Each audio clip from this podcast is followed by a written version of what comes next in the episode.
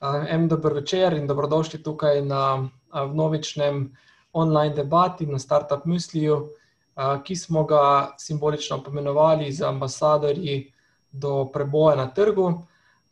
Z nami imamo tri zanimive goste, Tadeja, Dominiko in pa Damirja, ki bomo jih kasneje tudi predstavili.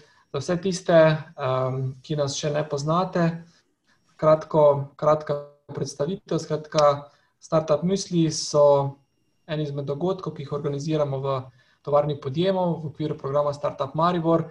Tovarna podjemov že od leta dva tisoč ena gradi in soustvarja spodbudno in na pravih vrednotah temelječe poslovno okolje, ki omogoča talentiranim posameznikom, kot so Tadej, Dominika in mnogi drugi tukaj, da razvijajo podjetniške ideje in z rešitvami prispevajo k boljšemu svetu.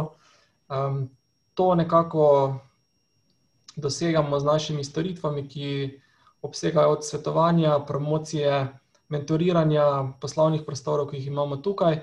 Pomagamo pa v vseh fazah podjetniške ideje, od nekako tistih prvih korakov, ko šele oblikujete, iščete, kaj bi počeli, pa do potem nekako preboja na globalni trg. za en lep primer, na katerega smo zelo ponosni, je, je podjetje Moj mojster, e-forma, ki je nekako, ne, po grafu prihodkov sodeč šla skozi vse take najbolj šolske faze enega inovativnega podjetja, od čistih začetkov v letu dva trinajst pa potem do prvih prihodkov, financiranja, ki so, ki je nekako tudi na voljo tovrstnim podjetnikom in ki je tudi del naše podpore, skratka pomoč pri pridobivanju financiranja in pa potem do večje investicije, iz tujine, ki je tudi imela za posledico seveda poleg super ekipe, da so prihodki kar poskočili.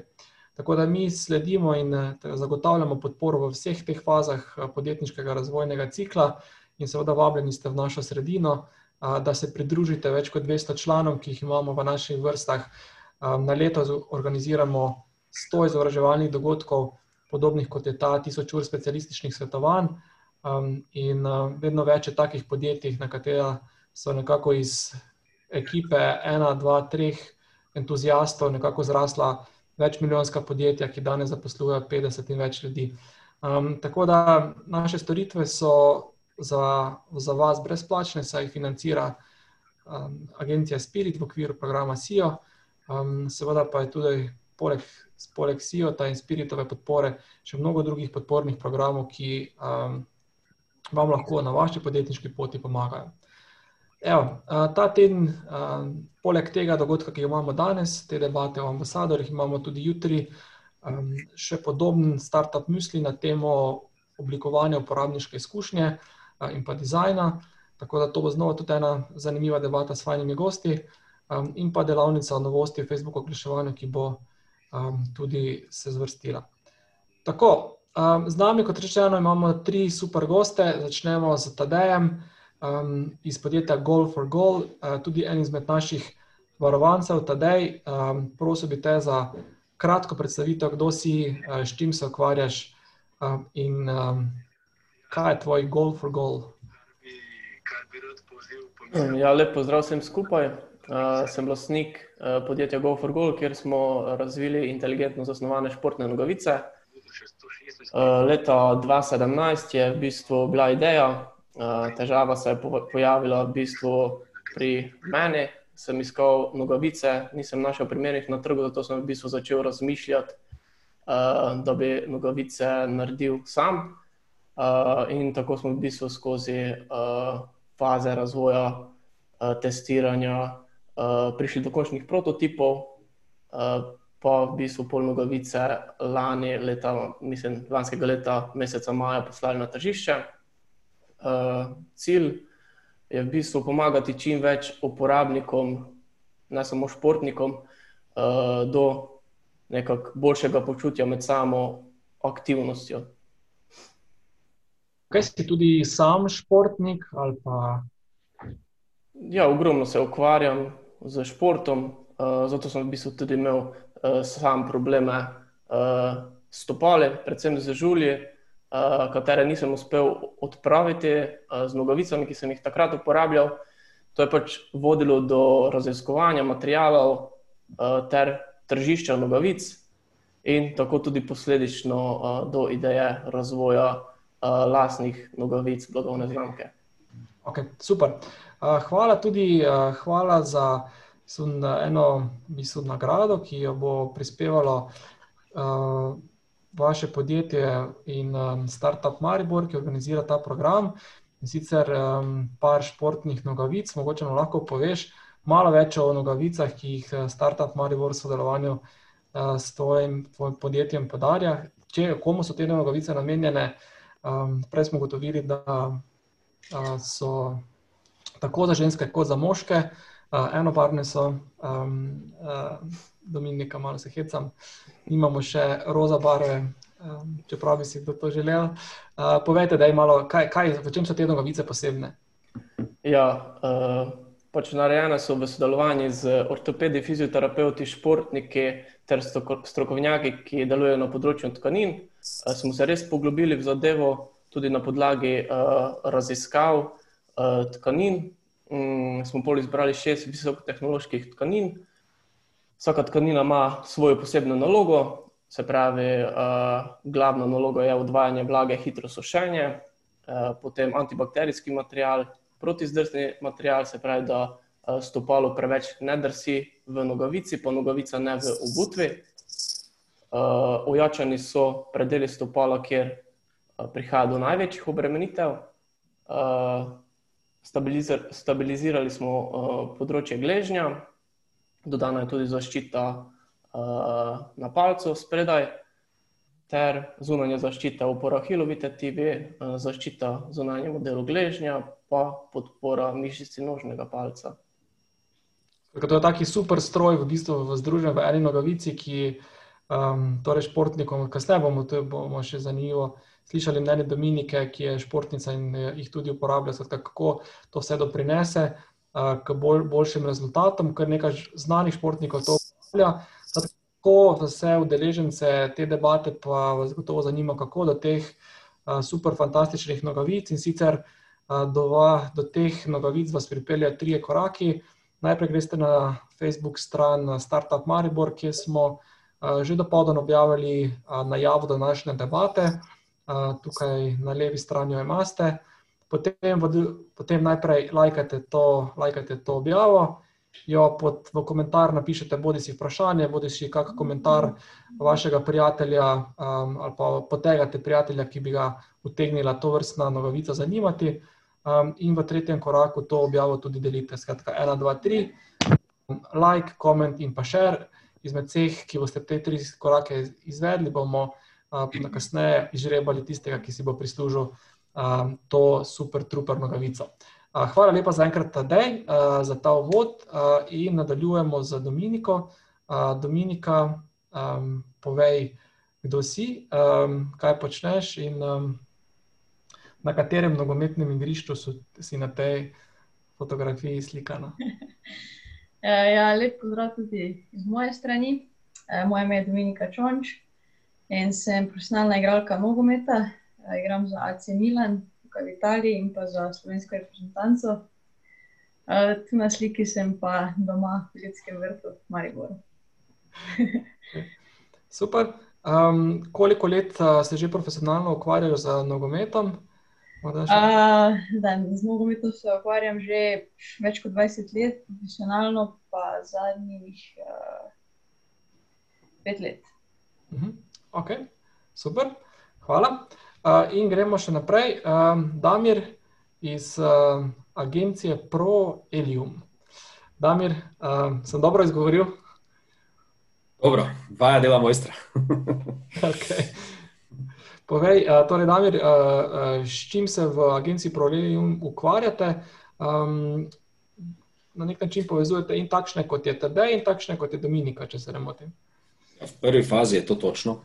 In sicer na eni strani iščemo priložnosti na poslovnem trgu za športnike in šport in pri športnikih dejansko poskušamo prepoznati tisti talent, v katerih bi lahko potem te poslovne položnosti, priložnosti prišle do realizacije, ne, se pravi, športna agencija je neko ustvarjanje tega brandinga, iskanje predvsem teh povezav med poslom in športom, zato so potrebni, se pravi, poslovneži, kot so Tadej, in športniki, kot so Dominika.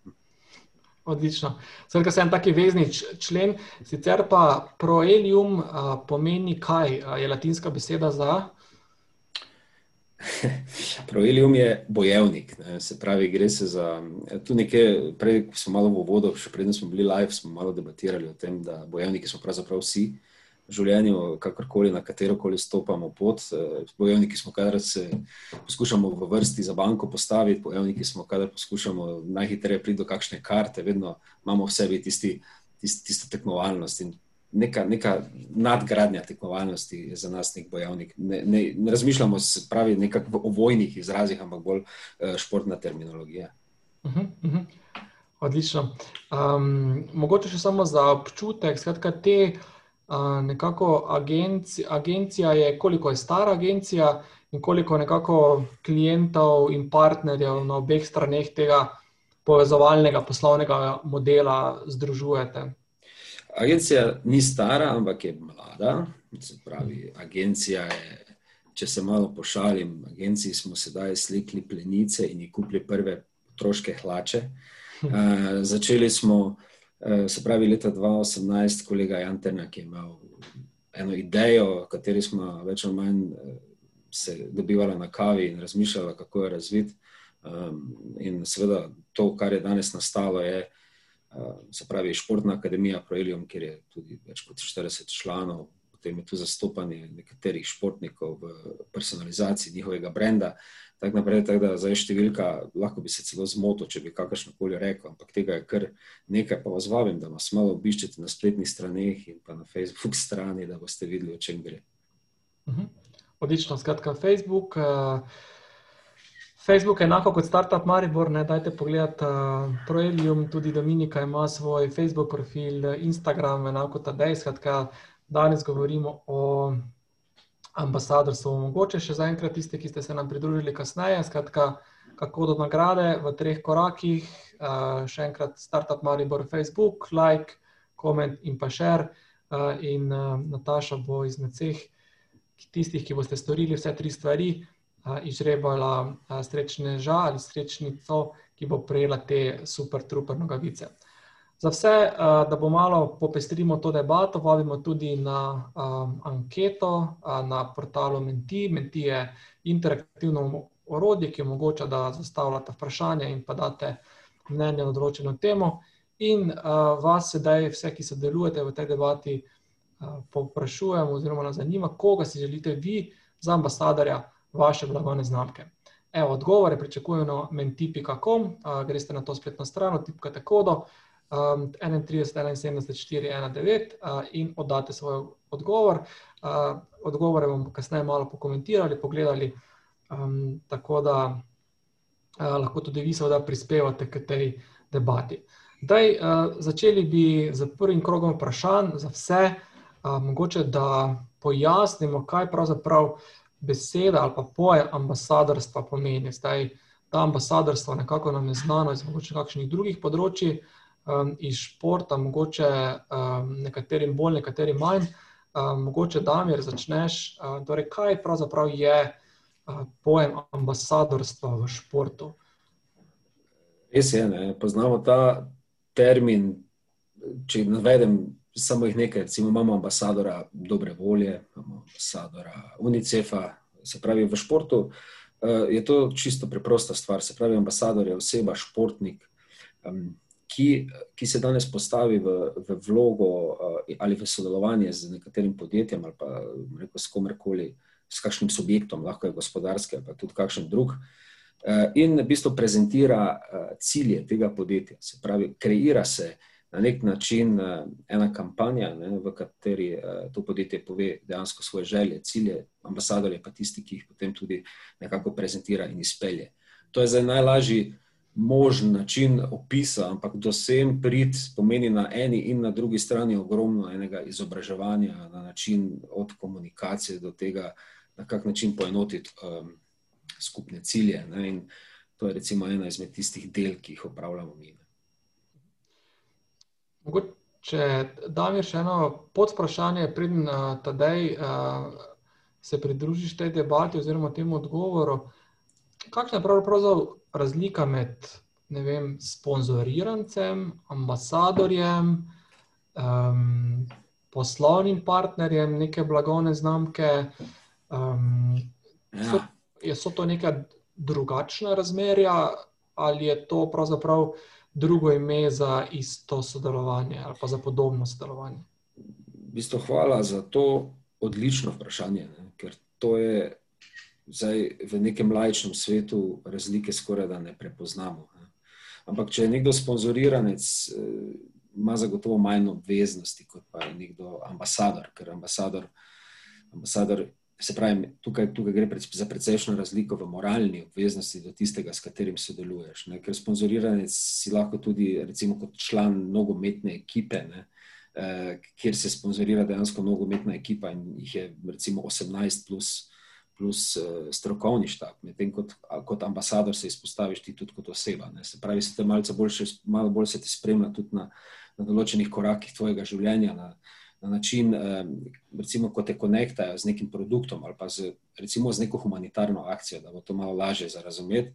Uh, potem, potem imajo ljudje takšne in drugačne poglede na to, ne, in ambasadorja ocenjujejo uh, Eh, po obnašanju in v bistvu po, tem, po tej prezenci, ki jo predstavlja v zvezi s tem podjetjem, kar seveda pri sponzorirancu niti ni tako pomembno, ne, ker sponzoriranec je lahko tudi nekdo, ki prejema recimo donacije zaradi pač enostavno, enostavno, enostavnih zadev. No.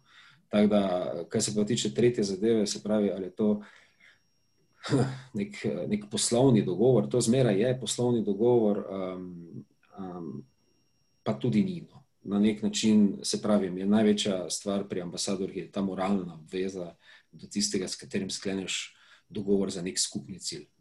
Zdaj pa se pravi, rad, rad bi um, vedno navezal na naše goste. To se pravi, imamo cilj Tadeja Glavača, imamo cilj Dominike Čunč ne, in če vaja dva tukaj uporabim, ne, sta v bistvu um, dober primer, na kak način sta začela ali pa lahko bi začela sodelovati, oziroma na kak način se potem na podlagi tega gradijo vse skupaj naprej. Ne. Se pravi, razvija se mreža okrog uh, Tadejevega produkta in razvija se mreža okrog uh, baze tistih, ki spremljajo Dominiko. Ne. Zdaj, ko se pogovarjamo o ambasadorjih, so tukaj potem tudi male, male, kako bi rekel, male možnosti ali pa male luknje za napake.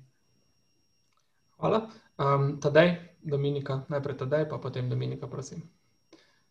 Torej, v bistvu ambasador uh, je obraz neke blagovne znamke, oseba, uh, ki predstavlja brand. Uh, zdaj, če bi še opisal to vlogo, uh, se pravi, vloga ambasadorja je, da pomaga blagovni znamki do neke prepoznavnosti. Ne? Uh -huh. okay. Hvala. Dominika, še tvoje dojemanje uh, in razumevanje tega ambasadorstva. Ti si torej na torej, Tadej kot, kot podjetje z, z nekim produktom na eni strani, um, projeli um agencija nekako med, je vezni člen, čeprav razumem, med Tadejem in teboj. Uh, ti si pa na drugi strani, torej uspe, uspešna športnica, um, ki nekako ponosno predstavljaš uh, določeno blagovno znamko. Se motim? Uh, ja, pač v bistvu sta že uh, in Damir in Tadej v bistvu povedala uh, načeloma, kaj pač, je, kaj pač pomeni biti ambasador. Zdaj z moje strani, uh, recimo, pač, ker sem bil v ženskem nogometu, je tega tudi v moškem še več, ampak recimo tudi punce zadnja leta je tega ogromno.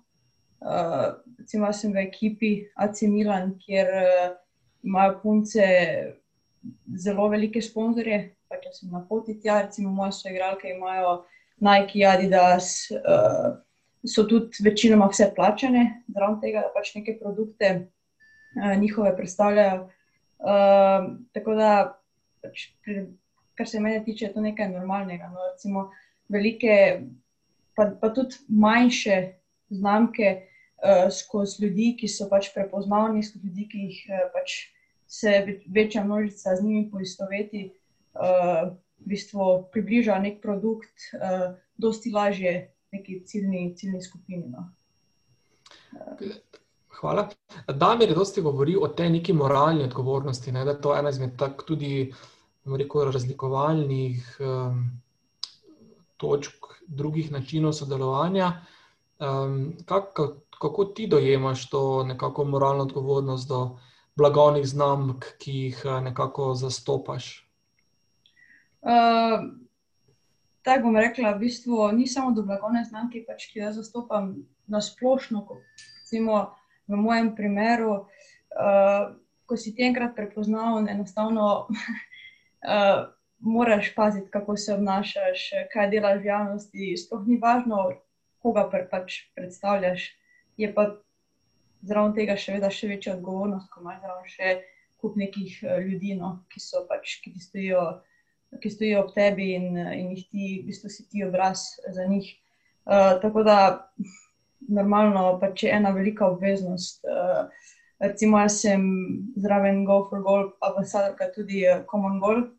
Uh, Common Goal je pač ena humanitarna organizacija in uh, tam se mi zdi, da je potem pride ta, ta, ta stvar eh, še bolj do izraza. No.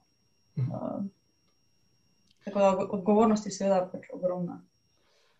Hvala, Damir. Mogoče še vprašanje, ali to ambasadorstvo, ali obstaja rekel, neke vrste ali ne vem, kakšni pravilnik ali neka nacionalna zakonodaja ali rekel, neka, neka pravila tega ambasadorstva, tako kot je recimo vem, za prostovoljstvo, obstaja neka recimo pogodbe, pravila, kako neko prostovoljstvo, nekako, kako naj ta odnos izgleda. Ali obstaja kaj podobnega, rekel, ki je reguliran, uh, na kak način to poteka?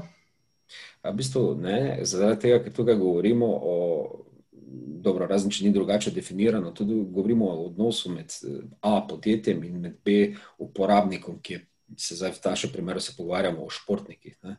In eh, v bistvu vse te, vsa ta pravila ne, se uredijo med tema dvema, ne, zato ker je potrebno vedeti, ne, na kak način uh, je sploh uh, dovoljeno recimo, vem, zastopanje tega ali onega. Uh, včasih se malo pošalim, v bistvu vse, kar je legalno, ne, se lahko da na papir uh, v sodelovanju teh dveh. Ne, ampak kar je bistveno pomembno, ne, je pa to, da. Uh, to, kar je pred Dominika rekla, bi jaz samo, samo eno stvar, ki, ki se tudi malo tiče te teme, zdaj pa tega zadnjega vprašanja. Namreč eh, prostor za napake ne, je zelo majhen pri teh zadevah, ne, ker eh, če te ljudje gledajo, oziroma ne samo moralno odgovornost, vse ostalo je pomembno. Namreč ena napačna fotografija ne, ali kaj takega te lahko hitro dejansko pokonekta s tistim produktom, katerega predstavljaš kot ambasador in v bistvu lahko utrpi ta produkt in tisti, ki ga seveda izvaja ne, ali pa proizvaja veliko škodo, zato ker je pač tukaj, vemo, ljudje danes, sploh v današnjem času, imamo izredno dosti primerov, kjer je ena napačna stavek ali pa ena napačna beseda pomeni ta, ne vem, vojno na vseh medmrežjih, vse socialne mreže se vžgejo, ne, čeprav mogoče včasih vzeto iz konteksta, ampak v športu ni nič drugače, v poslovnih odnosih, sploh v športu ali pa med samimi podjetji tudi ni nič drugače, ker je vse posod vedno konkurenca. Ne.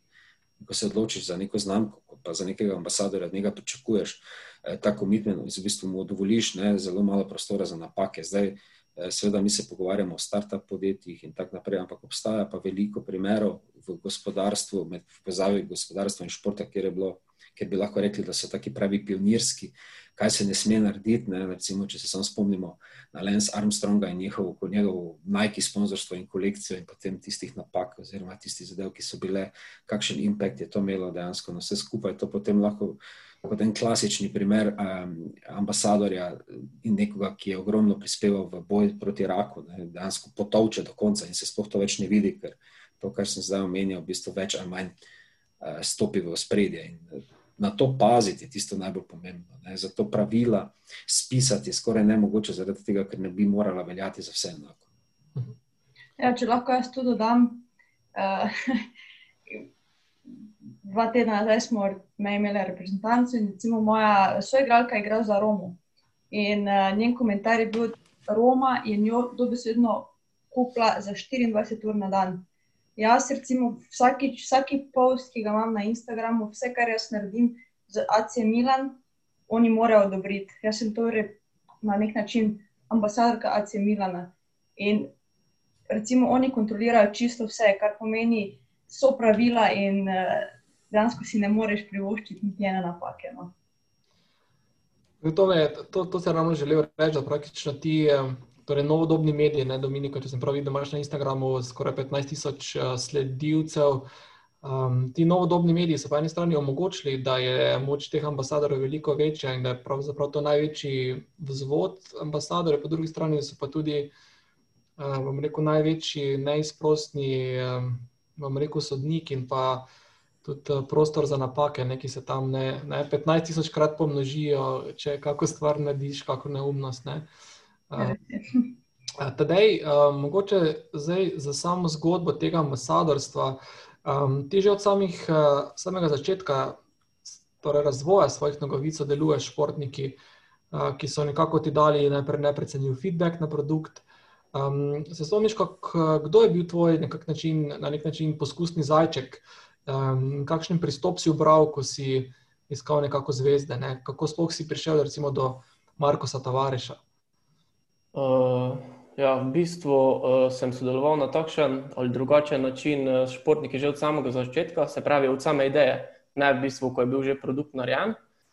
Uh, se pravi, ko sem imel idejo pač samo še v glavi, uh, na različne načine sem kontaktiral športnike, prosil jih, seveda, če bi lahko uh, moj produkt testirali, uh, ko bo pač narejen. Uh, takrat sem jih v bistvu tudi eh, že spraševal, če bi mi lahko pol dali tudi uh, kakšen feedback, ko ga testirajo. Uh, hkrati sem jih pa tudi uh, spraševal, oziroma pridobival njihova mnenja, se pravi, uh, pač naredil sem neko anketo, se pravi, kaj je za njih pomembno pri sami športni aktivnosti, oziroma uh, pač točno za nogavice, kaj je pri njih pomembno. Uh, pa uh, če se srečujejo s kaki, kakimi problemi, uh, uh, povezanimi s stopali, ne, se pravi s poškodbami. Tako sem v bistvu že dobil od teh športnikov neke težave, ne, ker sem v bistvu pol z produktom, samim razvojem želel odpraviti. Ne. Uh, zdaj, v bistvu, kdo je bil tisti prvi, ne vem, iskreno povedano, ker pravim, se je zbralo nekje okrog 200 športnikov, se pravi, teh, ki sem jih kontaktiral preko ali so to bila družbena omrežja ali preko nekih poznanstev. Uh, tako v bistvu, ko smo prejeli tiste prototipe, seveda sem želel najprej preveriti funkcionalnost le teh, uh, ker itak športniki trenirajo po več ur na dan in oni do pač tisti realen pokazatelj, ali smo res ustvarili dober produkt, ali pa pač ne, ne te bi pač zgodbo končali. Pa je to to. Uh, tako v bistvu, ja, pač ni nekega, mislim, ko bi lahko izpostavil prvega. Okay. Je, Damir, mogoče že zdaj uh, vprašanje na te. Um, torej, prej smo že malo govorili, kaj ta športna agencija je, ne? malo smo poklepetali, uh, že v vodo. Mogoče zdaj na kratko še za vse tiste, ki ste se naknadno pridružili debati. Skaraj, torej, kaj je športna agencija, na kak način pomaga športnikom uh, in kako je prišlo do tega sodelovanja z, z TDV-im, TDV-im podjetjem Goal for Goal? Samo malo, mislim, zdaj ne vem, malo je moten pri meni, kar se tiče očitno slabe, slabe povezave. Zato ne vem, koliko ste me prej slišali, kaj prekinjalo, ne vem, ampak poskušal bom. Ja, dobro ste slišali, kar, kar mogoče na kratko še okay, okay. na agencija okay. sodelovanje za Golf for Goal. Aha, se pravi, uh, ideja ne, mojega kolega, partnera v zločinu, se pravi, Jana Tenjaka je bila sodelovanje na tak in drugačen način. Mislim, da sta ona dva stadejem v preteklosti potem eh, našla ta skupni jezik. Ker namreč za športno agencijo je najbolj pomembno, da ima dober produkt. Ne. Zdaj se pravi, čujem, če bo kdo malo narobe razumel, ampak produkt je lahko tako v tem primeru tudi športnik, ne, kot tudi nekdo, ki se ukvarja z poslom oziroma tako v tem primeru, ta dej z neko proizvodnjo enega produkta. Ne. Naša naloga je zmeraj pomagati na teh poteh, ker tu je Eh, relativno eh, veliko vprašanj. Eh, prej tedaj dosti govorijo tudi o tem, na kak način je začenjal, da se je spraševal, kak bi, kak ne bi, recimo naredil je zanimivo potezo, poslal toliko pa toliko nekega popraševanja po različnih športnikih in to. In uh, mi smo zato take stvari tukaj, zato tudi, da to olajšamo, se pravi, da to pot od točke A do točke B dejansko olajšamo. Se, to, je, to je generalna ideja vsega skupaj, ampak ja, Eh, gre pa tudi dosti na to, da, da se zaupa, da se dobro skenira eh, produkt na eni ali pa na drugi strani. Tako, da, tako sem povedal, ko govorimo o produktih, sem povedal, kaj mislim. Uh -huh, uh -huh. Okay, Recimo, da je to tržna analiza, nekaj vrste. Ne. Tako. Vi na nek način igrate torej vlogo in olajšate ta dej v bistvu pozicioniranje na nek način, da najdete pravo Dominiko na drugi strani pač Dominiki tudi, da najdete pravega tadeja. Je ta, ta... To, je, to, je, to je namen.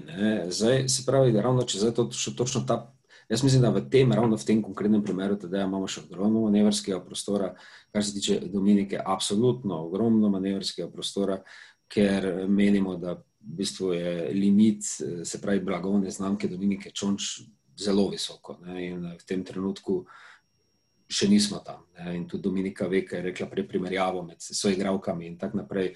Mi vemo, kaj si želimo, eh, kaj, smo, kaj vidimo v Dominiki. In, je to zelo pomembno, sploh uh, tudi njena koncentracija in predanost športu.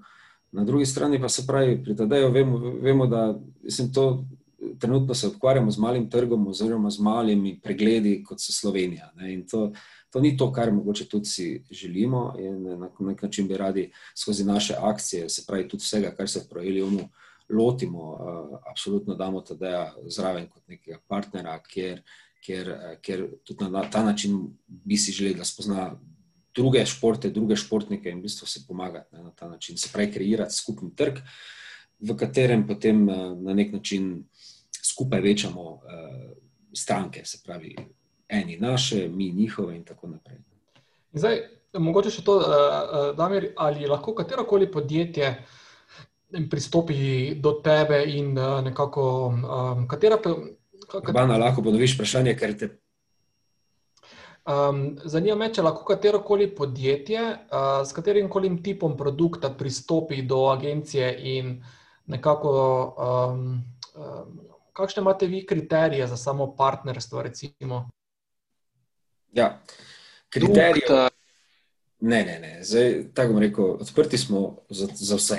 Ne, se pravi, eh, meni je najbolj pomembno, da, da pride nekdo in se predstavi tako, kot se predstavi. Se pravi, ali je to športnik, pove, eh, kaj, kaj je njegov cilj. Se pravi, mi moramo prepoznati neko priložnost. Ne. Na drugi strani pa tisti, ki ima produkte, se pravi, tudi ena zadeva, na, pomagati, ne vem, marketinško pogledati iz obeh strani, kaj lahko mi za njega naredimo. Ni zdaj to, da se mi osredotočimo samo na izdelke športne narave, da se razumemo. Mi smo tudi tukaj na, zato, da pravimo skreirati za podjetje neko strategijo v, v tem, kako bi lahko bil šport tisti, ki bi mu pomagal v njegovem poslu. Ne? In uh, načeloma si ne znam predstavljati, da zdaj bi kdorkoli me poklical, pa bi mu rekel, da me to ne zanima. Zato, ker vsak ima neko dobro idejo, vsi smo za nekaj dobri, treba je vedeti samo, zakaj smo dobri. In naša naloga je, ali znamo to povezati na ono športno stran ali pa ne. Ker, uh, recimo, primer, ne, jaz, jaz nimam pojma o zoknih iskreno. Nimam niti pojma o materialu, niti kaj, kaj, kaj še le o proizvodnji, če ne bi vedel, kaj ta dej dela, pa da bi ne videl kakšen slik, ne bi vedel, kako ta proizvodnja zgleda. Ne.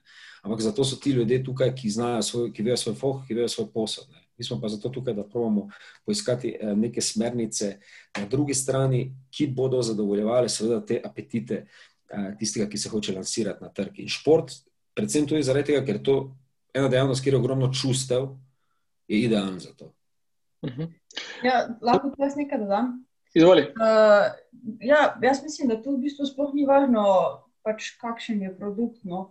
Šport je, jaz mislim, da je tako velika stvar, da uh, tudi recimo moja babica spremlja različne športe, ne, pa ni načeloma sploh neka športnica. Ampak to je tako velika stvar, da dejansko bil kakšen produkt je lahko povezan z, z športom. Recimo moje soigralke ne vem, delajo reklamo za ličila, za različne stvari. No. Pač ni zdaj, da pa, pač, ker so neki, neki produkt, ki ga lahko uporabljaš za šport.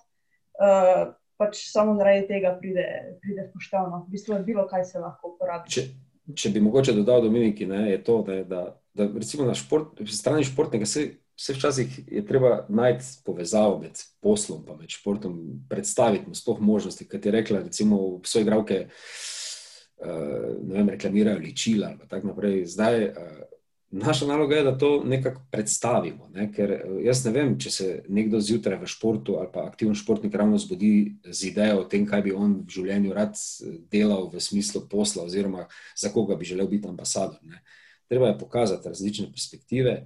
Um, In pri tem upoštevati tisto strateško razvojno linijo v poslu tistega podjetja, ki se želi lansirati na trg preko športa. Ne. Jaz mislim, da to je zapleteno, pa hkrati zelo lahko. Ne. Okay. Uh, Dominika, ti si ambasadorka Golf for Goal. Zakaj si se odločila za ta korak? Um, kaj ti to ambasadorstvo pomeni? Uh, in kako ti vidiš svojo vlogo v odnosu do Golf for Goal in uh, kakšne obveznosti tudi na nek način uh, to ambasadorstvo prinese? Skratka, mogoče malo, um, da bolje osvetliš um, ta, to sodelovanje, tako čisto iz neke take osebne perspektive, kot tudi iz te poslovne.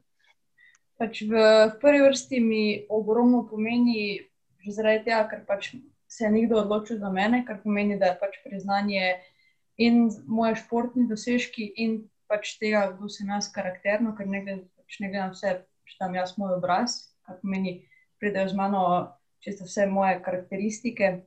Tako da slovenski produkt.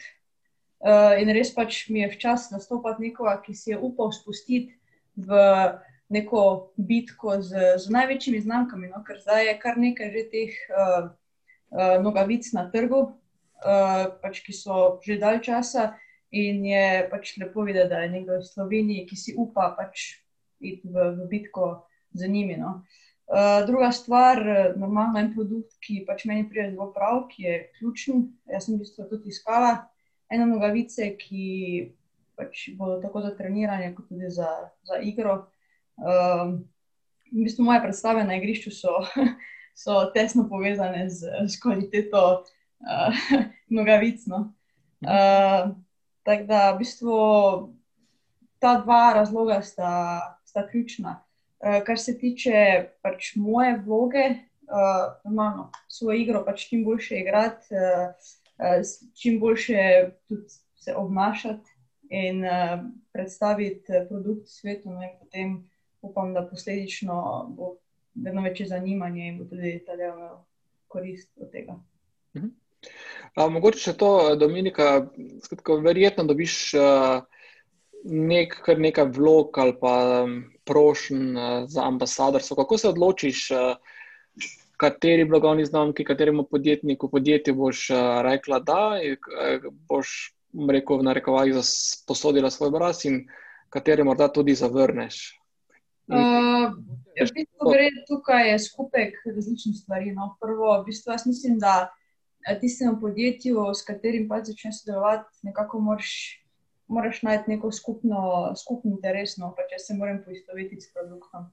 Uh, je res, da je kar nekaj uh, športnikov, ki pač večini gledajo na denar in uh, če do, so dobri pogoji, potem pač dajo svoje ime, ampak uh, jaz mislim, da je dosti bolj pomembno nekaj neka vizija nekega podjetja, in potem, pač, če se s tem poistovetiš, uh, potem uh, se lahko pač nadaljuje, oziroma začne sodelovanje.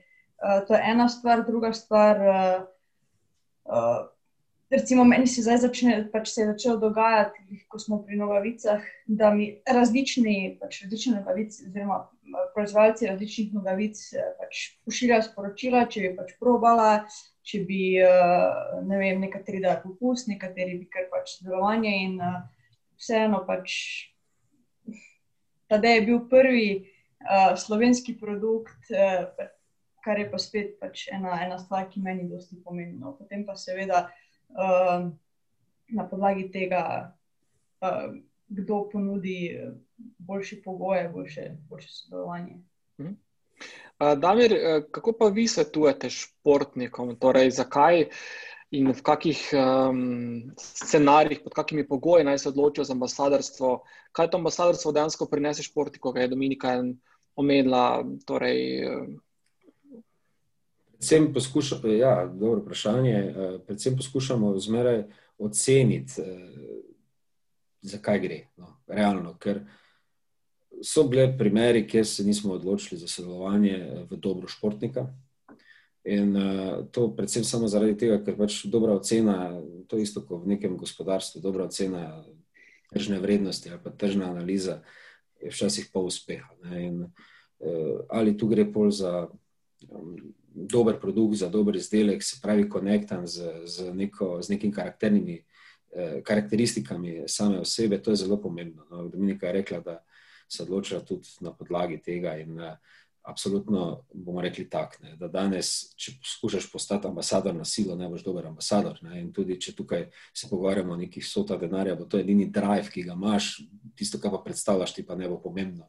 Slejko prej se mi zdi, da se to nekje opazi v času teh socialnih omrežij in uh, vsega, v čem živimo, se opazijo tudi take stvari in kar želimo delati, je to kvaliteto uh, malo drugače obrniti, se pravi povezati res in paziti res na to, da še preden predstavimo ali pa izberemo športnika ali pa razmišljamo, s kakim športnikom bi zadevo povezali, pogledamo, o kakšnem produktu gre, kaj je od zadaj strategija podjetja in a, potem zapakirati pravilno stvar. Ne. In seveda polje lahko samo win-win situacija, ker je nadušenje na obeh straneh. To je tisti cilj, ki ga iščemo.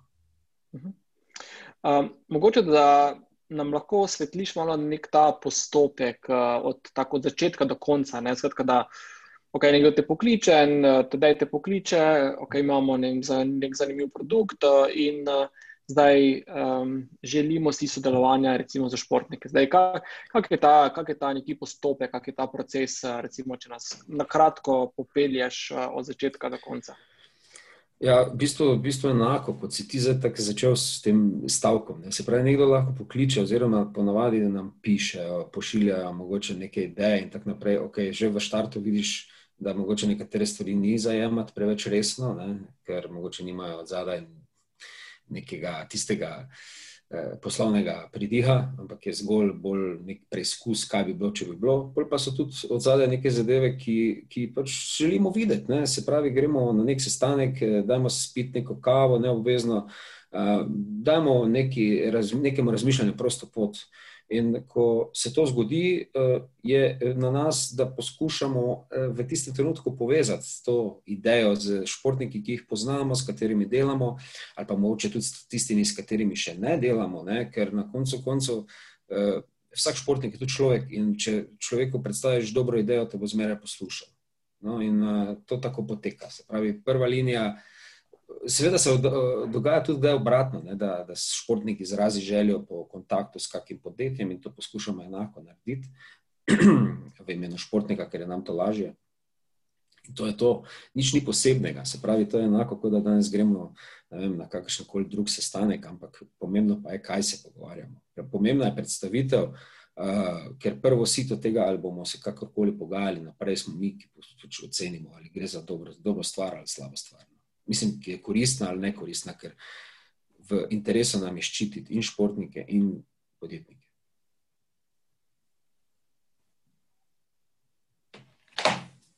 Ali, Damir, po tvojem mnenju, podjetja že dovolj izkoriščajo ta vzvod ali pa to možnost sodelovanja z ambasadori, ali je to še vedno na nek način ne nepoznana, podcenjena uh, uh, možnost uh, nekega sodelovanja, promocije, um, kaj, kakšno je tvoje mnenje?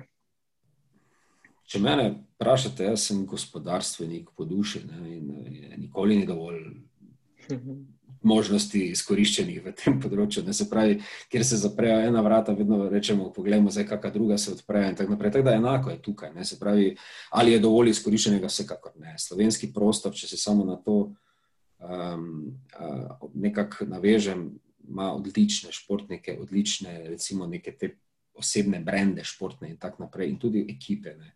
In mislim, da je povezovanje s gospodarstvom nekaj, zakaj, zakaj smo mi dejansko naredili športno agencijo, ker smo ugotovili, da, da tega je premalo, da ni na eni strani dovolj tega tutorstva ali pa. Poduka športnikom, kaj vse je mogoče delati v poslu, in na drugi strani, mogoče prezentirati ravno ta branding, oziroma ambasadorstvo podjetjem, ker bi lahko uh, kjer lahko dejansko predstavijo to, kar si mogoče želijo, in eh, smo tudi na nek način v tekmi z raznimi mediji, v smislu tega marketinga. Ampak eh, jaz pravim, da živ, živ produkt, ne, kar je športnik lahko, ne, lahko kreira mnogo, mnogo idej in je neprimerno boljši kot pa recimo ena reklama na časopisu. No, in pač delamo na tem, da, da smo živi, da imamo to živo materijo. In, uh, ni dovolj, mislim, prostora je še ogromno. No, Mogoče da je eno ne, neumno vprašanje. Ne? Zdaj, vi se ukvarjate torej, na eni strani s podjetji, povezujete podjetje in pa športnike. Um, zakaj, zakaj ste se izbrali športnike? Ali v vaše vrste jemljete tudi recimo, vem, kulturnike, umetnike, ali tudi gospodarnik lahko, če bi na vaša vrata potrkal Elon Musk, bi ga vzeli kot varovanca vašega podjetja? To je taki tri, triki question. če se že Ilona Maska lotimo, se sploh ne vem, verjetno, tako rekel, vedno, vedno poskušamo najti uh, neko paralelo uh, za, neki, za nekaj dobrega. No? Zakaj, najprej, zakaj šport? Šport zato, ker svoja sin Jan. Pa tudi robi, ki se nam je kasneje pridružil, smo dejansko športniki po duši, živeli smo športom, spoznali smo se preko športa. So bili časi, ko smo se 8 ur na dan samo o športu pogovarjali in v bistvu nismo poznali sploh drugega življenja. In to je to, in s tem smo živeli in razmišljali, kaj je dobro in kaj ni dobro. Na koncu smo postali največji kritiki in največji entuzijasti v športu, pa tudi um, vem, največji pripadniki raznih zadev v športu. Da, za to šport. In zdaj, če pa bi potrkal kulturnik, zakaj pa ne? Jaz pravim, mi smo odprti vedno za nove ideje, kreacija, se pravi, diverzifikacija ene dejavnosti, ni samo šport. Mi poskušamo uh, predvsem kreirati neke dobre ideje, tako kot verjetno tudi vi za start-upi in ostale, ostale stvari. Mislim, da je to naša misija, naša naloga.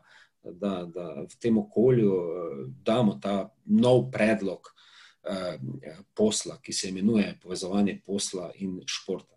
Ker, če smo iskreni, je danes uh, samo vrhunski šport tisto, kar, kar, o čemer se lahko v velikih zaslužkih pogovarjamo. Ostali športi pa so samo športi, ne, ki pa dosti stanejo. In tukaj imajo športniki težave, ki se prebijajo po lestvici na zgor, na drugi strani pa je enako v gospodarstvu in enako je s podjetji, ne, ki začnejo za svojo dejavnostjo in se prebijajo po, po poti na zgor. In zakaj, zakaj ne bi pomagali? Ker na koncu samo mi profitiramo, vsi skupaj, vsi, vse tri strani.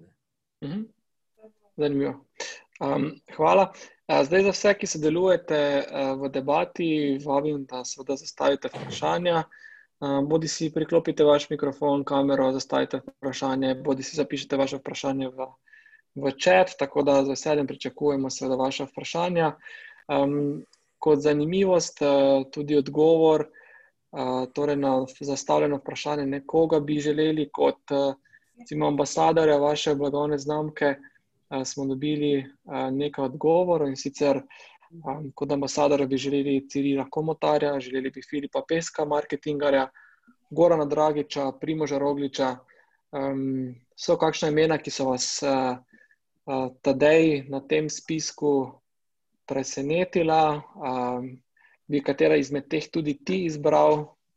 V bistvu presenetilo ne, ker so to pač sami športniki osebe, ko, ko, imajo, ko imajo nekaj več. Uh, jaz pač meni sta itak zanimiva, Primož pa Goran, ampak tu pač spet moramo biti uh, pazljivi, uh, oziroma pač glede njihovih uh, pač sponzorjev. Uh, ker pač ne moreš priti zraven. To so pač eh, milijonski posli. Ja, tukaj je zanimivo. Ne? Pravi odgovor je, vsi štirje me zanimajo. uh, samo treba je poiskati, potem, uh, kakšna pot je do tja. Ampak spomnim, spomnimo se, kaj je Dominika prej rekla, ne, da AC Milano preverjajo vsako stvar, kaj naredi. Ne. In uh, tukaj imamo tudi dva primera, ki sta popolnoma enaka. In, uh, Ja, tako reče, recimo, da ne moreš priti zraven. Ne. To je tisto, kar mi ne želimo slišati, ker si želimo, da poskušamo najti pot, da pridemo zraven. Ne. Ampak ne pridete zraven, zakaj? Zato, ker ima, ne vem, recimo, že eh, športnik, torej Dominika, neko svojo drugo agencijo ali je, ne vem, za katerega gara tako dominantno. Dominika, mogoče koliko pa imaš ti sploh svobode izbirati, eh, s kom sodeluješ, s katero agencijo sodeluješ, s katerim podjetjem sodeluješ, koliko imaš ti kot, v bistvu, kot športnica ali pa potencijalna ambasadorka proste, proste roke? Ne, jaz imam, jaz imam načeloma pač dosti pa proste roke, no, kar se tiče uh, mojih osebnih uh, sponzorjev. Uh, ampak, recimo, jaz ne morem v majici AC Milana uh, ne vem, recimo, promovirati uh, nogavic. Dobro, če je slika, recimo iz tekme, pa pač nosim nogavice, objavim tisto sliko, recimo tam tega, go, go for goal. ok, to lahko, ampak recimo, da pa jaz ne vem, uh, se z določenim produktom slikala v stvarih od AC Milana, to pa enostavno ne smem, ne, ker pač ta produkt ni sponzor AC Milana. Uh, kar se tiče uh,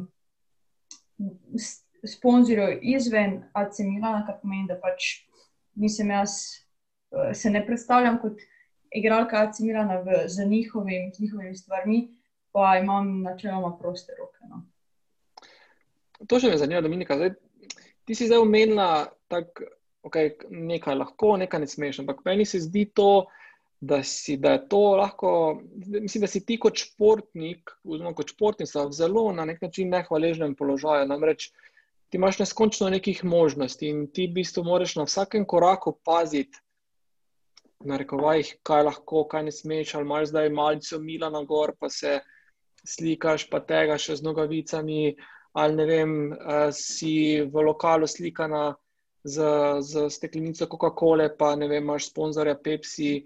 Tako, koliko ste vi kot športniki uh, vem, podvrženi temu nekemu drobnogledu vaših sponzorjev, agencij, um, tistih, katerih ambasador ste? Koliko tebe kot športnico to omejuje praktično v vsakodnevnem življenju? Ja, bolj si prepoznaven, bolj te omejuje. V bistvu, pač, recimo, enega Kristjana Ronalda, njega spremlja na čisto vsakem koraku. Ne? Zdaj on, recimo, ne vem, če drugega kot pa Nike, recimo, on ne sme dati ali da spoloverje gor. Recimo. Uh, tako da, recimo, jaz zaenkrat še določene stvari si še lahko privoščim, ker me še ne poznajo toliko. Ampak recimo, da, da gremo na Evropsko prvenstvo, da ta številka zraste na, recimo, na mojem Instagramu do uh, eh, 100 ali pa 200 tisoč uh, teh followerjev, ker ti greš po ulici, ker te ljudje prepoznajo, takrat pa potem pač moraš vedeti, če te nekdo plačuje za to, da ti piješ Coca-Cola, enostavno ne moreš piti Pepsi. Ne, pač, mm. to, to pride zraven z našo službo in pač tako je. Recimo jaz tudi ne vem uh, kar se tiče obnašanja, kar se tiče izhodov v lokale, ne vem, poročevanja te zadeve, pač enostavno ne pride poštevno. Mhm. Ja, če se še jaz tukaj dotaknem, mi smo v bistvu, ko smo razvijali produkt, ne, uh, pač smo kontaktirali tudi Dončiča Luko, ko je takrat igral še v Realu. Uh, so nam odpisali pa vse, ne, uh, se zahvalili za predstavitev, ker smo pač vsakemu poslali predstavitev produkta, pa vse, kaj razvijamo. Ampak so rekli, da uh, pač Luka ne bo testiral nogavic, ker takrat je še imel pogodbo z Adidasom. In če bi pač kjerkoli se pojavila kakršna koli fotografija z drugim produktom kot je Adidas, jim pač grozi prekinitev pogodbe, ne pa odškodnina. Mhm. Kaj pa ti postaviš, zdaj ko si tukaj omenil? Mogoče. Ja, izvoli. Mogoče samo, da, da, da končamo s tem. Kaj pa ti postaviš na nek način pogoje ali pa veze ambasadorjem in ali imaš kakšne slabe izkušnje z njimi? Tadej? Uh, ne, zaenkrat slabih izkušenj še ni bilo. Uh, jaz vedno pač delam tako, da športniku najprej dam nogavice v testiranje, in če mu je produkt res všeč, uh, se, če se res poveže z njim, uh, pol se pač dogovorimo za neko sodelovanje. Um, ker to, kar je Dominika že povedala, uh, je pač najhujše to, če mora športnik predstavljati nekaj proti plačilu, samo zato, da pač predstavlja, kar je plačan za to. Ne. Pol mislim, da v bistvu športnik niti ne more tega produkta ali pač karkoli predstavljati ne, za tako energijo, kot, kot ga lahko, če se povežeš z, mhm. z produktom. Hvala. Damir, izvoli. Želel si prej nekaj dodati, pokomentirati.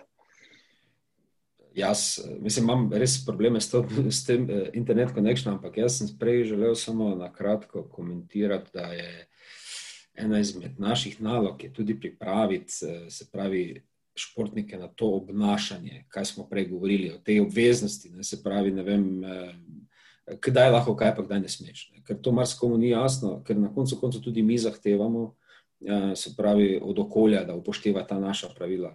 Se pravi, ne gre, ne, ne gre objavljanje vseh slik, eh, pa, pa nekih selfijev na vseh možnih variantah in tako naprej, ker včasih to nekdo, pa sploh v Sloveniji, se to kar dosti dogaja, ne? uporablja to v, v namene lastnega, se pravi, gospodarstva, kar mu ni zameriti, ampak na nek način se treba pri takih malih stvarih to učiti. Eh, mala, mala stvar, mislim, na, našo, na naš trg in pa na našo državo. In uh, je, je vredno, sploh za športnike, ker ko grejo v tujino, tako kot tudi Dominika, šla, se, te, se s tem sreča, slejko prej, zdaj pa če ti malo, bom rekel, izvežban, ne, pa, pa verjamem, da ste se, predvsem kolega Jan pa Dominika, ogromno o tem tudi pogovarjala, ne, eh, v preteklosti, kak, kaj pa, zakaj pa, da stvari tudi konkretno doumele, pol ti je lažje nekako ti je lažje, ker tujina je tega navajena, mi pa mogoče še ne.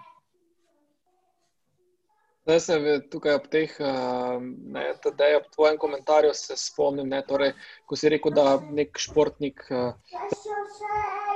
zastopa blagovno znamko samo zaradi plačila. Ne, spomnim se pred nekaj let nala Super Bowla, ne, katerega je močno tudi sponzorsko podprl Samsung, ne, ampak na, na koncu so se na igrišču vsi veselili in delali uh, selfije z, z Appleovimi telefoni. Ne. To je verjetno en tak uh, primer. To so, to so te, te kako rečem, to so, te so te koincidenci, ki se dogajajo dejansko. V, ko nekdo mogoče napačno oceni situacijo. Vem, jaz drugače se tega sploh ne znam razlagati, ker ja, ne, dejstvo je, da vidiš. Je, mislim, še bolj bizarno bi bilo, če bi danes to naredil v sredi New Yorku s Huaweiom, ki, ki ima prepovedano prodajo. Mislim, hočem povedati, treba je včasih neke osnovne stvari razumeti in na ta način bolj ne razumeš tistega, ki se z marketingom tam ukvarja. Ker, Ker, ker je impact lahko tudi posmeh. Ne? Koncu tisto, kar pride ven, je lahko posmeh. Ne? javnost pa je neizprostna. No, ker konec koncev končni cilj takšnega kot je Tadej je nekako, da v bistvu ambasadorstvo doprinese k rasti eh, blagovne. Ne pozabimo na solate. Krepitvi ugleda. Pa zaprimiti le. Tisti, ki je naročal solato, eh, ga prosim, da si dam na mute mikrofon. Um, skratka, Damir, um, uh, izkušnja ambasadorstva je, oziroma cilj ambasadorstva je krepitev blagovne znamke, zaupanje uporabnikov. Kako na nek način to merite, kako na, potem tudi ta deja prepričate in upravičite zaupanje, da ste nekako vašega sodelovanja, vaše dodane vrednosti? Uh, začetek je zmeraj en prvi projekt, ne. temu sledi, ker kako merimo. Ne, dejansko, potem sledi drugi projekt, ki ga poskušamo ponoviti enako kot prvega. Uh, Eh, merjenje je v bistvu zadovoljstvo najprej obeh strani, se pravi na eni strani podjetja ali pa stranke kot A in pa na drugi strani športnika, če je on v neki coni udobja v tem sodelovanju, pol je to zadovoljstvo na strani B.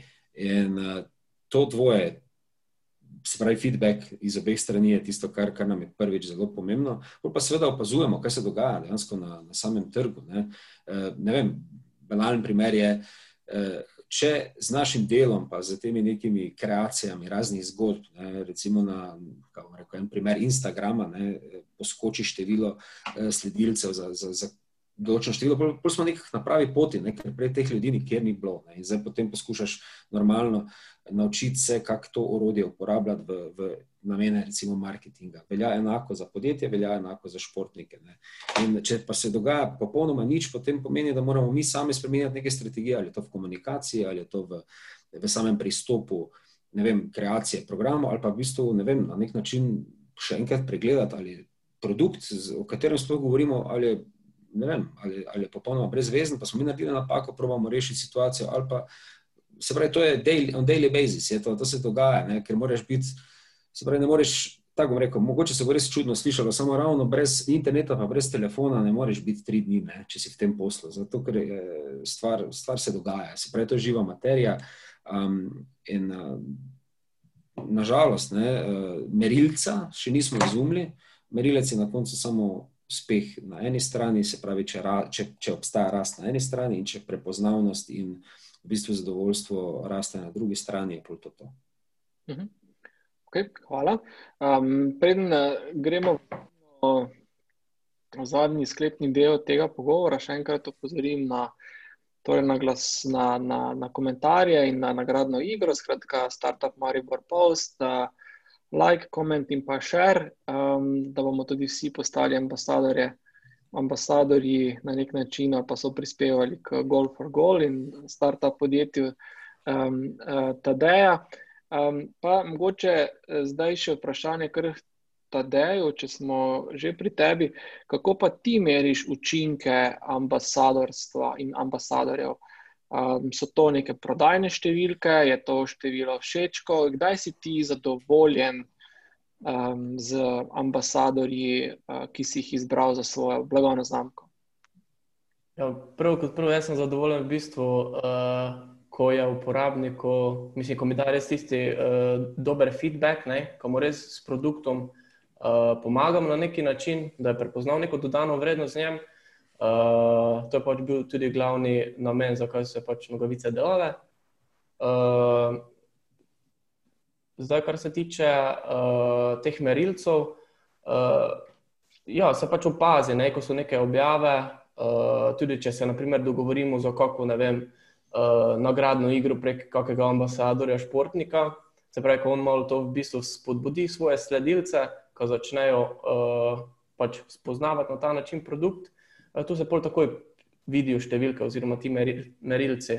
Uh, po drugi strani pa um, pač nogavice so če dalje bolj razširjene. Jaz pravim, v bistvu, konec koncev so tako naši ambasadori zdaj postali vsi, ki uporabljajo nogavice. Od vem, športnikov, profesionalnih, rekreativnih, do, uh, do medicinskih sester, policistov, proizvodnih delavcev, vsi v bistvu, ki uporabljajo nogavice, nekako pa so jim všeč, se pravi, širijo glas o, o našem produktu in tako v bistvu delamo, uh, delamo pač uh, pomembno marketinško mrežo. Hvala. Tukaj je Tomaš Eisenhut zastavil vprašanje, je prepoznavnost prodaja narasla ob sodelovanju z ambasadori? To je, mislim, da je vprašanje in za Tadeja, in za, in za Damerja. Uh, mi smo ambasadorje spostavili na začetku, predvsem zato, ker smo bili na začetku naše poslovne poti, se pravi, produkt, sam produkt je tudi bil, uh, se pravi, tržišče, nogo, pač nogavic je kar veliko. Ne? In uh, zato smo se odločili za to potezo, se pravi, da preko teh uh, znanih športnikov. Eh, približamo nogavice uporabnikom, se pravi, uh, ki pač vem, naprimer, vidijo naš produkt na internetu, pa še niso tisto 100% sigurni, da bi pač produkt kupili. Uh, pa lahko pogledajo mnenja uh, športnikov in uh, mogoče to narediti si dodaten push, uh, se pravi, oziroma pač odločitev, uh, da se odločijo pa res poizkusijo uh, sam produkt. Uh, tako da, ja, v bistvu na začetku je bilo to.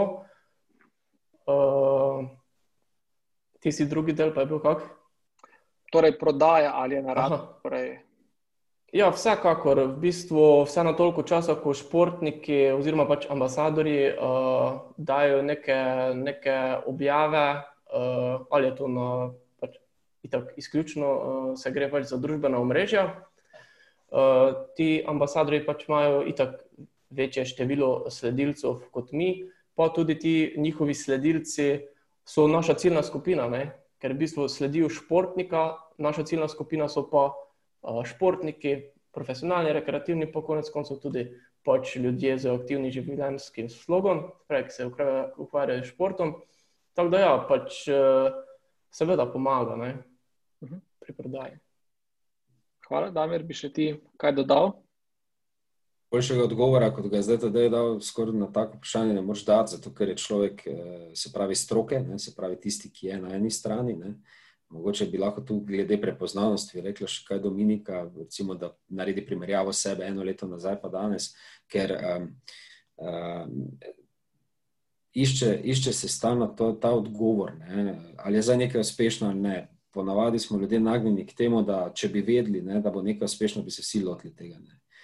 Če smo videli primer Bitcoina, smo vsi hteli kupiti, ker je nekaj zraslo. Mislim, ta, ta, ta logika v bistvu je, je, je v nas vseh ne? in eh, tukaj v športu se ne razlikuje.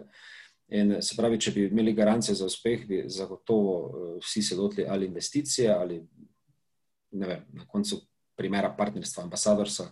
Ampak ker temu ni tako, lahko merimo samo za nazaj. Ne? In to, kar je Tadej rekel, je odlična istočnica. Se pravi, lahko rečemo, da je začel iz nič, ne? kar je vedno najboljše vedeti, eh, kaj se potem naredi za en plus, ko narediš črto. Verjetno je isto pri prepoznavnosti za Dominiko, pa tudi za vse ostale športnike. In, eh, pomembno je, ne, da razumemo trg. In, če razumemo trg, potem ne smemo upati, ker razumevanje tega trga, o katerem se danes pogovarjamo, je, je ključ, ne, je pomembno. Uh, in če bomo upali vrgli puško koruzo, potem bodo recimo nogavice Go for Goal zgodovina, pa se bomo vsi spomnili, da smo jih enkrat nekje imeli, ali pa recimo karijera, ne vem, na drugi strani najboljše slovenske nogometašice bomo vedeli, da enkrat nekje obstajala, ampak nič posebnega. Ampak to seveda ni cilj. Ne, ne, tu dalje, se vedno se pot začne tu, kjer si končal, in ta, ta proces je vedno iz meseca v mesec, mora biti večji.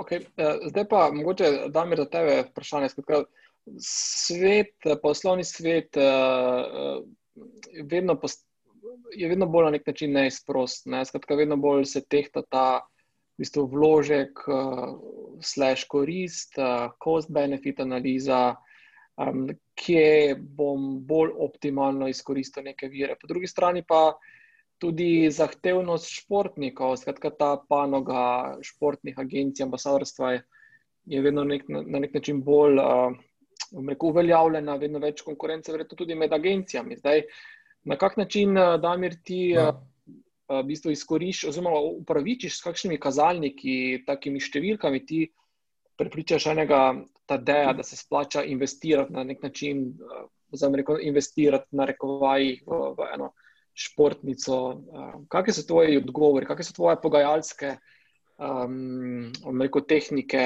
številke, argumenti?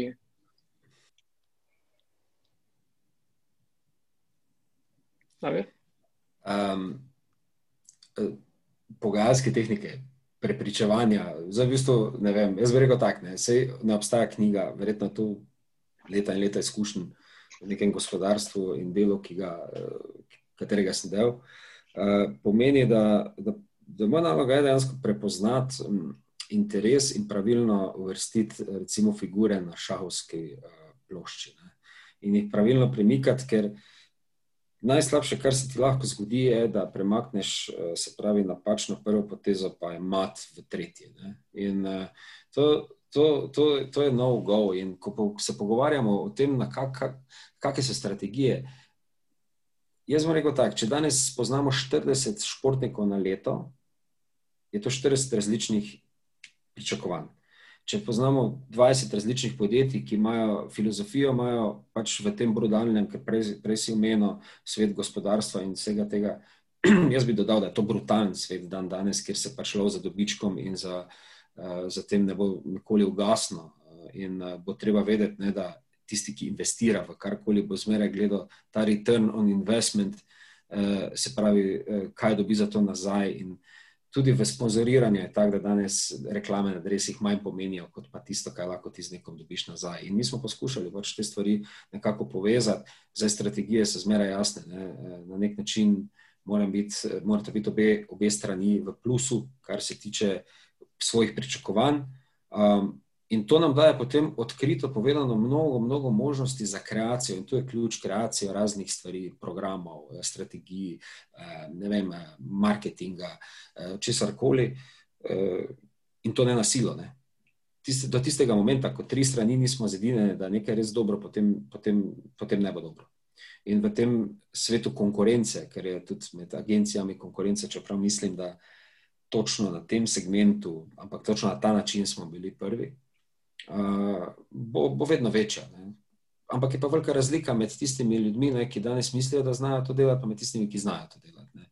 Problem je samo, na kak način to skomunicirati. Ampak jaz vem, da v Sloveniji imamo nekaj dobrih strokovnjakov na tem področju, ki, s katerimi je pogovor o gospodarstvu, športu, brandingu izreden, in v bistvu še slabega nisem spoznal. No. To je tudi res.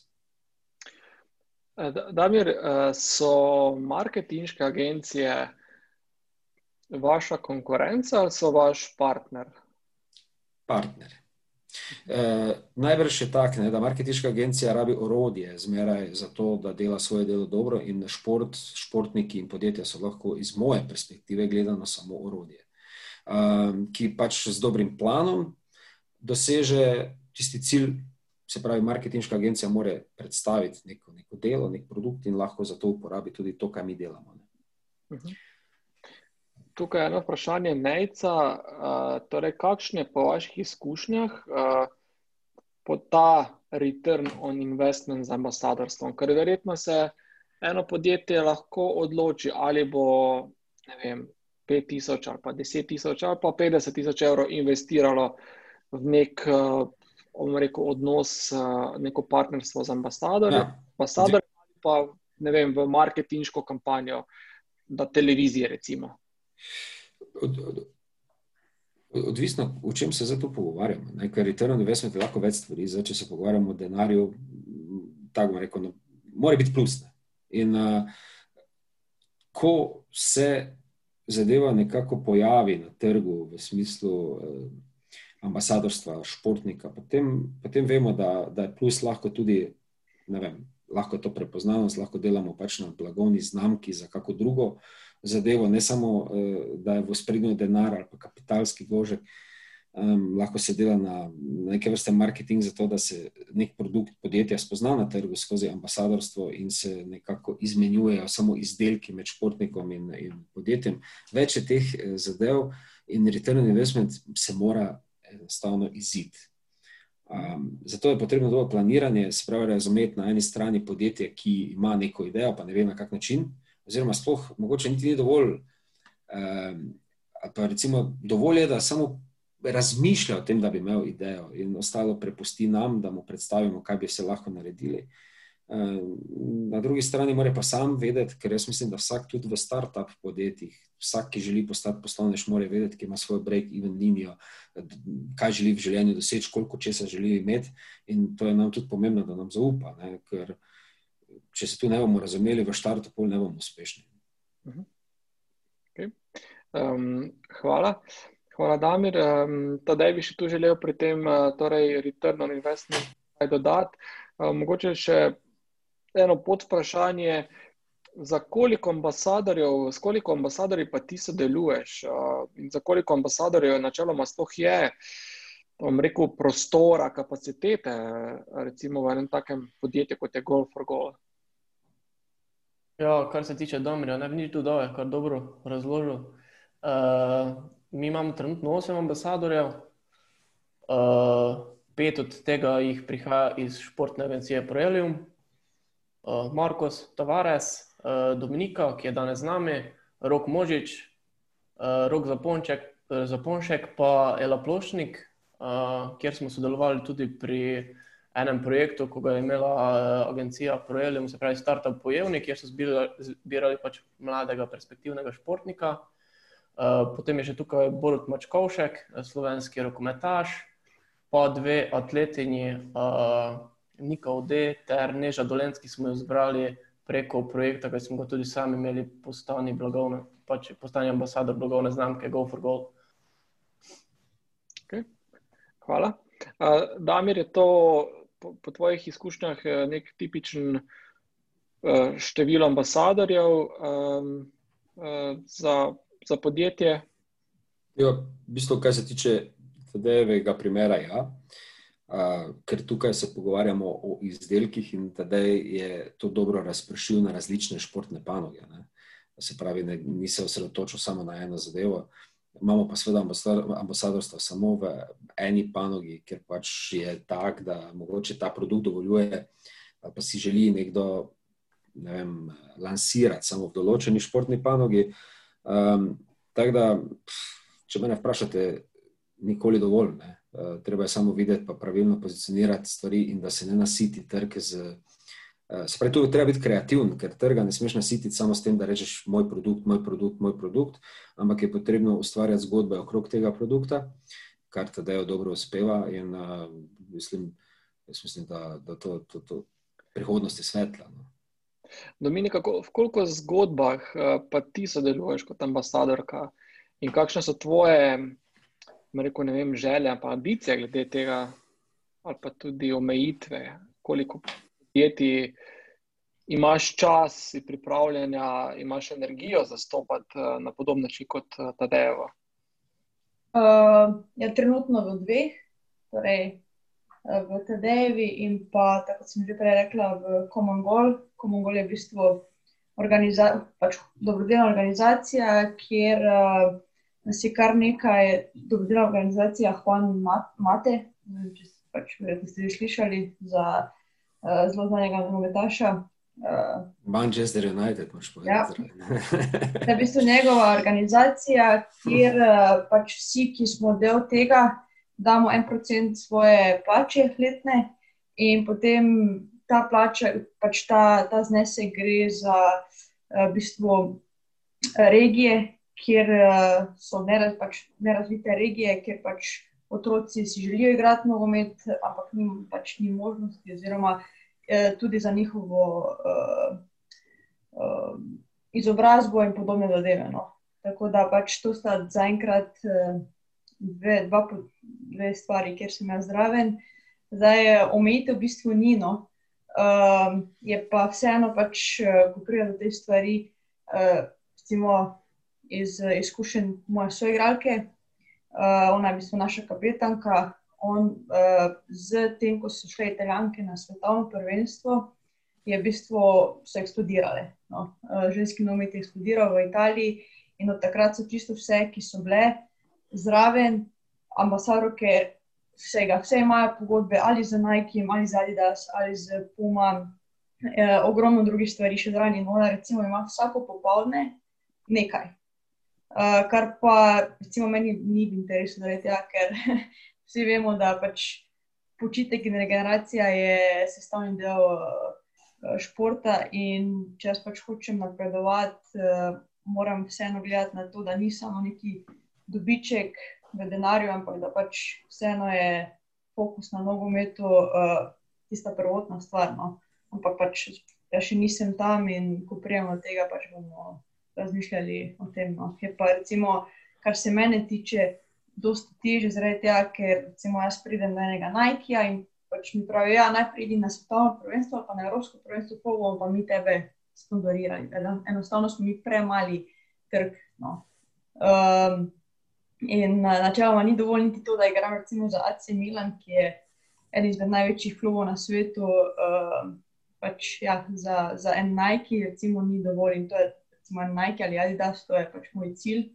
Uh, v prvi vrsti, zrej, zakaj? Zaradi tega, ker je pač še vedno sama kupujem kopačke. Uh, po drugi strani pa moram povedati to, da uh, recimo, lahko bi imela že zdaj sponzorstvo od Pume, ampak enostavno uh, moj cilj ni samo to, da me nekdo sponzorira, cilj je to, da pač se jaz v teh zadevah dobro počutim. Ne? Recimo jaz. Uh, najbolj pomembna stvar pri nogometu so kopačke, torej nogometni čevelj, ki pa meni enostavno kuma ne ustreza. In zaradi tega sem jaz enostavno pač rekla, da hvala lepa, ampak uh, enostavno ne gre. Ne. Tako da uh, pač jaz osebno mi je pač to, da se jaz najdem v neki zgodbi, da se dobro počutim stvari, dosti bolj pomembno, kot pa to, da lahko rečem, jaz imam pa ne vem, 20 sponzorjev, oziroma sem ambasadorka 20 različnim podjetjem. Uh, tako da tu se še vedno prebijamo. No, verjamem, da enkrat bomo tudi sodelovali z največjimi uh, znamkami, ne samo na športnem področju, ampak tudi na splošno.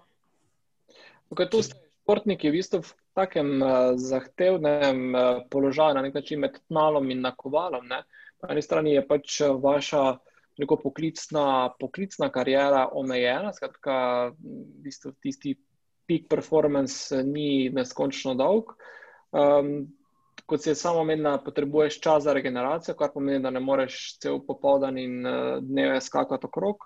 Um, na drugi strani pa je tudi tvoja uspešnost na nek način um, merjena, pač s koliko boš na nek način ustvarila v tej času svoje poklicne najboljše karijere. Se, se motim?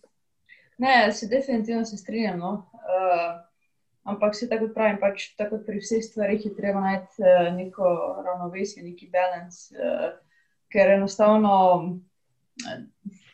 če, če razmišljaš preveč samo o tem, da imam kratko kariero, zato pač hočem čim več nekaj dobička ustvariti, v tem trenutku si v bistvu to kariero še skrajšaš. No ker eh, pač šport je tako kot eh, vse ostale stvari, danes si, jutri te mogoče ni, no, če nisi eh, pozoren eh, in če ne delaš tako, kot je pač treba. Eh, tako da, ja, se popolnoma strinjam. Ja, jaz, če lahko eno stvar samo dodam, uh, problem je mala Slovenija. Ne. To, kar Dominika pravi, ja, pridi najprej na svetovno prvenstvo, pa bomo videli, da se to ni edini primer.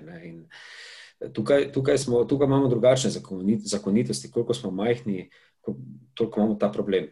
Zdaj, če bi mi vsi tukaj, kaj smo uh, živeli v Nemčiji, bi imeli lažji problem, sicer večjo konkurenco, ampak glede na kreativnost in uh, razmišljanje, ki ga imam, bi nam bilo verjetno lažje.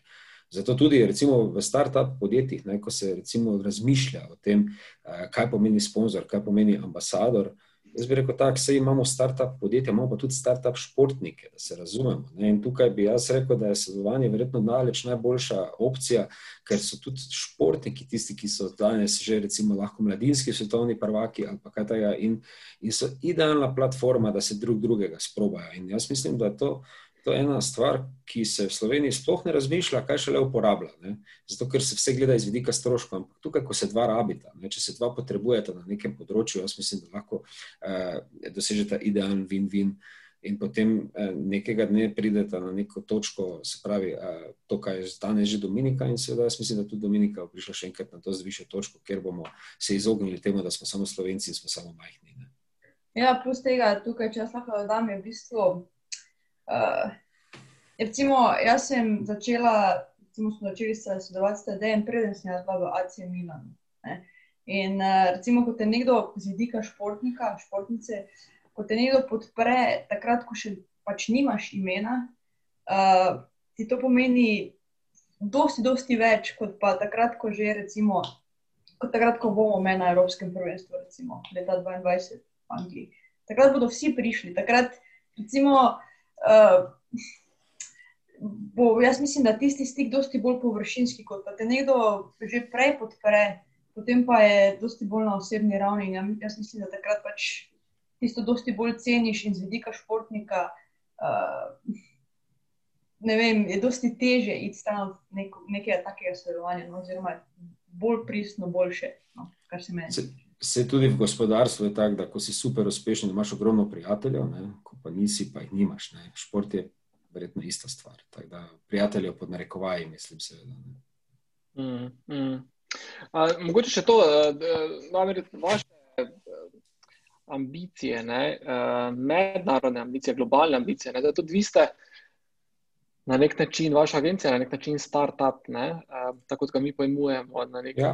Začeli pred, pred ne, nekaj leti, ste rekli. Ne, um, In tudi vi, verjetno, želite ambiciozno stopiti ne, iz te naše majhne Slovenije na ne, trg globalnih eh, ali pa evropskih agencij. Kakšne so tu vaše ambicije? Vse, vse povedano je res, samo s to razliko, da smo si vzeli malo časa in premišljenega dela. Predvsem eh, razmišljamo o tem, da.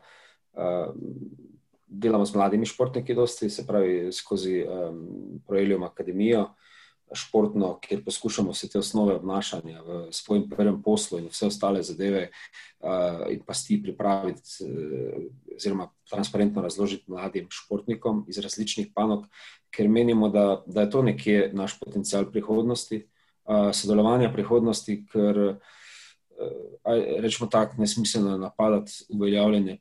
Izprofilirane športnike, ki danes imajo takšne in drugačne pogodbe, ker jaz mislim, da bi s tem zapravili samo energijo, pa ne glede na to, kako dobro idejo imamo. Sveda smo vedno tudi za to dostopni, ampak nekje poskušamo vzgojiti pa tale DNK plana B, ene karijere, dati športnikom v nastajanju, ker menim, da je to tista prihodnost, v kateri se bo projelijem dobro moral znajti in v bistvu prihodnost slovenskega športa je bistra.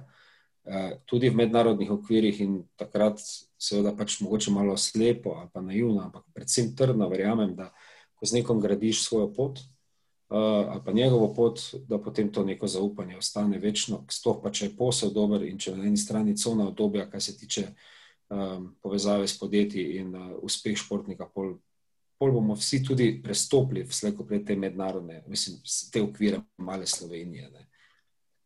Mislim, da mi ste na nek način startup, ki stavi na startupe. Ne? Vi ste podobno kot tudi neki investitor um, v startup podjetje, ja. ki stavi na mlada podjetja, ki bodo enkrat um, recimo, uh, postala svetovni unikorni, kot mi pravimo.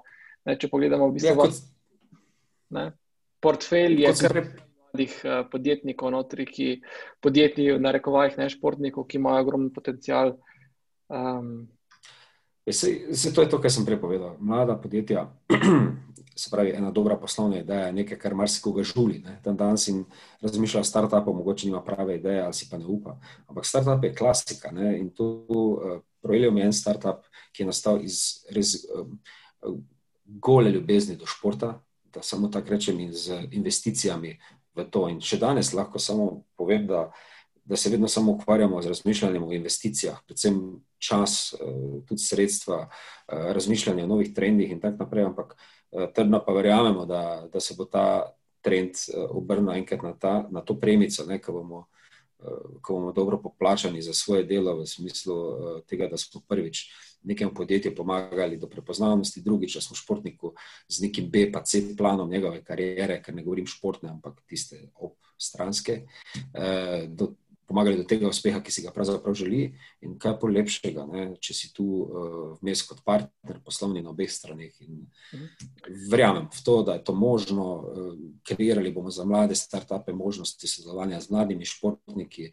Mislim, da to pomaga vsem, izkoriščali današnje možnosti med mreži, um, izkoriščali bomo pač to, kar nam ponuja trg. Ne, in, uh, Na koncu koncev bomo, pri, upam, da bo pa tudi ženska nogometna reprezentanca, ne Dominika, nekega leta tam, ko mora biti, ker Bobo. še imamo določene plane glede tega, ker tako bom rekel, jaz pred letom pa pol, ne, dokler pravzaprav sploh Dominike nisem spoznal, nisem, res nisem vedel, kaj dosta ženskim nogometom. Ampak danes mislim, da sem že mali ekspert, glede na to, koliko berem in koliko spremljam ne samo Dominiko, ampak tudi se poč na koncu polinkaš ne, in gledaš, kaj okoli se dogaja. In to je res ta veste, drive, ne, ki, ki, ki, ki, ga, um, ki, ki tera agencijo v bistvu naprej. Ne. Mogoče um, še to, če komu morda ni točno jasno, od, od česa pa praktično vi živite v agenciji, kaj, kje, kje je vaš poslovni model, kje je vaš zaslužek, so to nekaj. Zadnjič, ko smo imeli to debato, smo se strinjali, da živimo od zraka. Ne? Ampak ja, dejstvo je, da se pravi investicije, ne, ki jih več poskušamo narediti, so večje od tega, kar, kar dobimo. Ampak na nek način v tem trenutku lahko rečemo, da, da, da ne delamo z nekim takim plusom, da bi, da bi lahko od tega živeli, ampak delamo z nekim normalnim, normalno nulo, ne? ker vse karkoli pri posredovanjih, se pravi, na eni strani z podjetji sklepamo pogodbe na način, da, da iščemo dodano vrednost in iščemo tukaj neke svoje, svoje pribitke in tako naprej. Na drugi strani športniki enako. In v tem krogu um, ugotavljamo, ne, da dokler res ni tistega breakthroughja, uh, ker verjetno vsakega tu noter malo tudi zanimajo zaslužki, ne, dokler ni tistega breakthroughja na poslovnem um, področju, ne moreš reči, da si zdaj super uspešen. Ampak uspešen pa si, ne, ko vidiš, da se ti, podjet, da se ti projekti enostavno lepo zlagajo ne, in da, da, da, da ti projekti, športniki, slash športniki, ne, postajajo vedno bolj uspešni in točno veš, da, da je to tista pot, ko potem gospodarstvo se naenkrat obrne in zahtevaš za to, kar delamo, enostavno uh, pač nek, neki invoice. Tako da odgovor ni lahek, vem, da sem ga predolgo tudi uh, naredil, ker najlažje bi bilo reči, da je bilanca takšna, pa takšna, pa pogledajte ne, na IBON, ampak v bistvu mi smo še kot startup in tudi obnašamo se kot startup, glede zaslužkov, še vedno smo tu nekje, da, da še nismo plačali vsega časa, ki smo ga vložili v to. Um, hvala. Mogoče za čase je nekako tega zelo simpatičnega, prijetnega pogovora uh, počasi iztekel, pa bi zaključil z takimi, uh, če smo že pri športu, govorimo, sestavni del športa so cilji in mogoče vaši take uh, skrivni, tihi, uh, javni cilji, uh, Tadej, Dominika, Damir, uh, kaj so nekako vaši cilji, ki nekako, ki jih imate v mislih, za katere govorite, za katere trenirate, se potite, tvegate. Um, en cilj, kaj je to, Dominika, mogoče. Začnemo pri tebi. Uh, Tako bi rekla, zdaj kratkoročni. Uh, definitivno Evropsko prvenstvo. Kjer imamo zdaj oktobra ključno tekmo za Rusijo. Uh, jaz verjamem, da nam bo uspelo prvič v zgodovini se vrstiti uh, na Evropsko prvenstvo. To je definitivno uh, eden izmed največjih ciljev trenutno. Uh, drugi pa seveda osvojitev skodeta tukaj v Italiji, super kopa, kopa, to je to, uh, to je zdaj en, enoletno v bistvu cilji. Ok, ok, ambiciozno, super, mi je všeč. ja, cilj je najprej usvojiti evropska tržišča, zdaj v bistvu nam uspešno uh, uspeva uh, na avstrijskem tržišču, uh, v nadaljevanju pa uh, tudi globalno. Ne? da se tudi pač delamo neke strategije, strategije se pravi, stop na pač tuja tržišča. Malo gledamo tudi Amazon, če je bila zanimiva uh, ideja, se pravi, za širitev uh, na ameriško tržišče, ker je pač trg ogromen. Uh, tako da, ja, to so v bistvu cilji. Ne? Ker pa, tako smo se že pogovarjali na začetku, Slovenija je premajhno tržišče, predvsem pač za, za, za moj produkt. Mhm. Damir, zaključimo s tabo en, en filozofski, filozofska razlaga naših ciljev. Ne? Vse, kar ste povedali, tedaj pa Dominika, to so naši cilji, ne? da ona dva to dosežeta. Najprej, da potem vidimo, ne? ker bomo potem eh, na koncu konca lahko vsi naredili še več dela eh, dobrega. Kar pa res, kar se projelijo tiče, pa mislim, da je predvsem kratkoročni cilj. Um, najprej bi radi še vedno malo handlali lažje vse to korono in z vsemi temi zgodbami, ker je ja, obstaja za eno obdobje, ker so sami niso vedeli točno na kak način se postaviti na ta trg, ampak kratkoročni cilj ali pa recimo cilj enega leta je se postaviti vsaj enkrat više z več znanja, pa z več materijala ja, poslovnega, ja, kot smo se lahko to lani. In v bistvu ta rast, ne, eh, se pravi, predstaviti naše delo eh, okolju še na intenzivnejši način, ker recimo eden izmed takih načinov je današnji pogovor, in predstavitev tudi ostalim, ki razmišljajo o startupih, da je to ena možnost sodelovanja, in pa seveda na nek način, kaj Dominika, spoznati Zlatana Ibrahimoviča, recimo, ne, to bi bil super cilj. Samo pridi v Milano, komor. Ampak dobro. Zdaj počasi slikanje. in evo, in tukaj, tukaj rečemo tak, do konca leta 2022 želimo biti toliko prepoznavni, da ne bo več vprašanje, točno kaj delamo, ampak enostavno samo, kako bomo to naredili. Super. Hvala, um, hvala vsem za pogovor. Jaz vam vsem želim, da se ti cilji ne samo uresničijo, ampak tudi, da jih uh, še presežete. Um, se bomo s tem nekako vsi na, na boljšem, um, športniki, agencije, start-upi, skratka. Um, želimo vsem vse najlepše in uh, uspešno na vaši poti. Um, hvala vsem, da ste sodelovali na, na, na, na današnji debati, ki, bila, ki bi lahko nadaljevali še vsaj eno uro iz mojega stališča v, v, v noč. Um, še glede nagrade, uh, nagrado si je prislužila Milena Fundak, uh, ki je Milena čestitke, uh, ki je torej upravila vse stvari, tudi vse stvari. Hvala, imela preklopljeno kamero, se navdušena in spremljala debato. Um, super, tudi Milena, najbolj zvesta ambasadorka današnjega pogovora. Um, in od danes naprej tudi uh, Nogavid Golf for Gold. Um, ne vem, če jih lahko podpiše Dominika, če je to uh, možno. Nadaljavo. Včasih Slovenijo, čez tri tedne lahko. Um, skratka, več, več informacij boste dobili v vaš, vaš zasebni inbox, um, da nam sporočite, kam jih pošljemo. Skratka, vsem uspešno, lep večer še naprej, uh, uspešno na vaših potih, športni, poslovni, start-upovski agenciji in uh, se vidimo ob kakšni naslednji priložnosti, pa upam, da tudi čim prej v živo. En lep večer. Hvala, Hvala. Hvala. Hvala. Hvala. Lahko noč. Lahko noč, Dion. Adiós.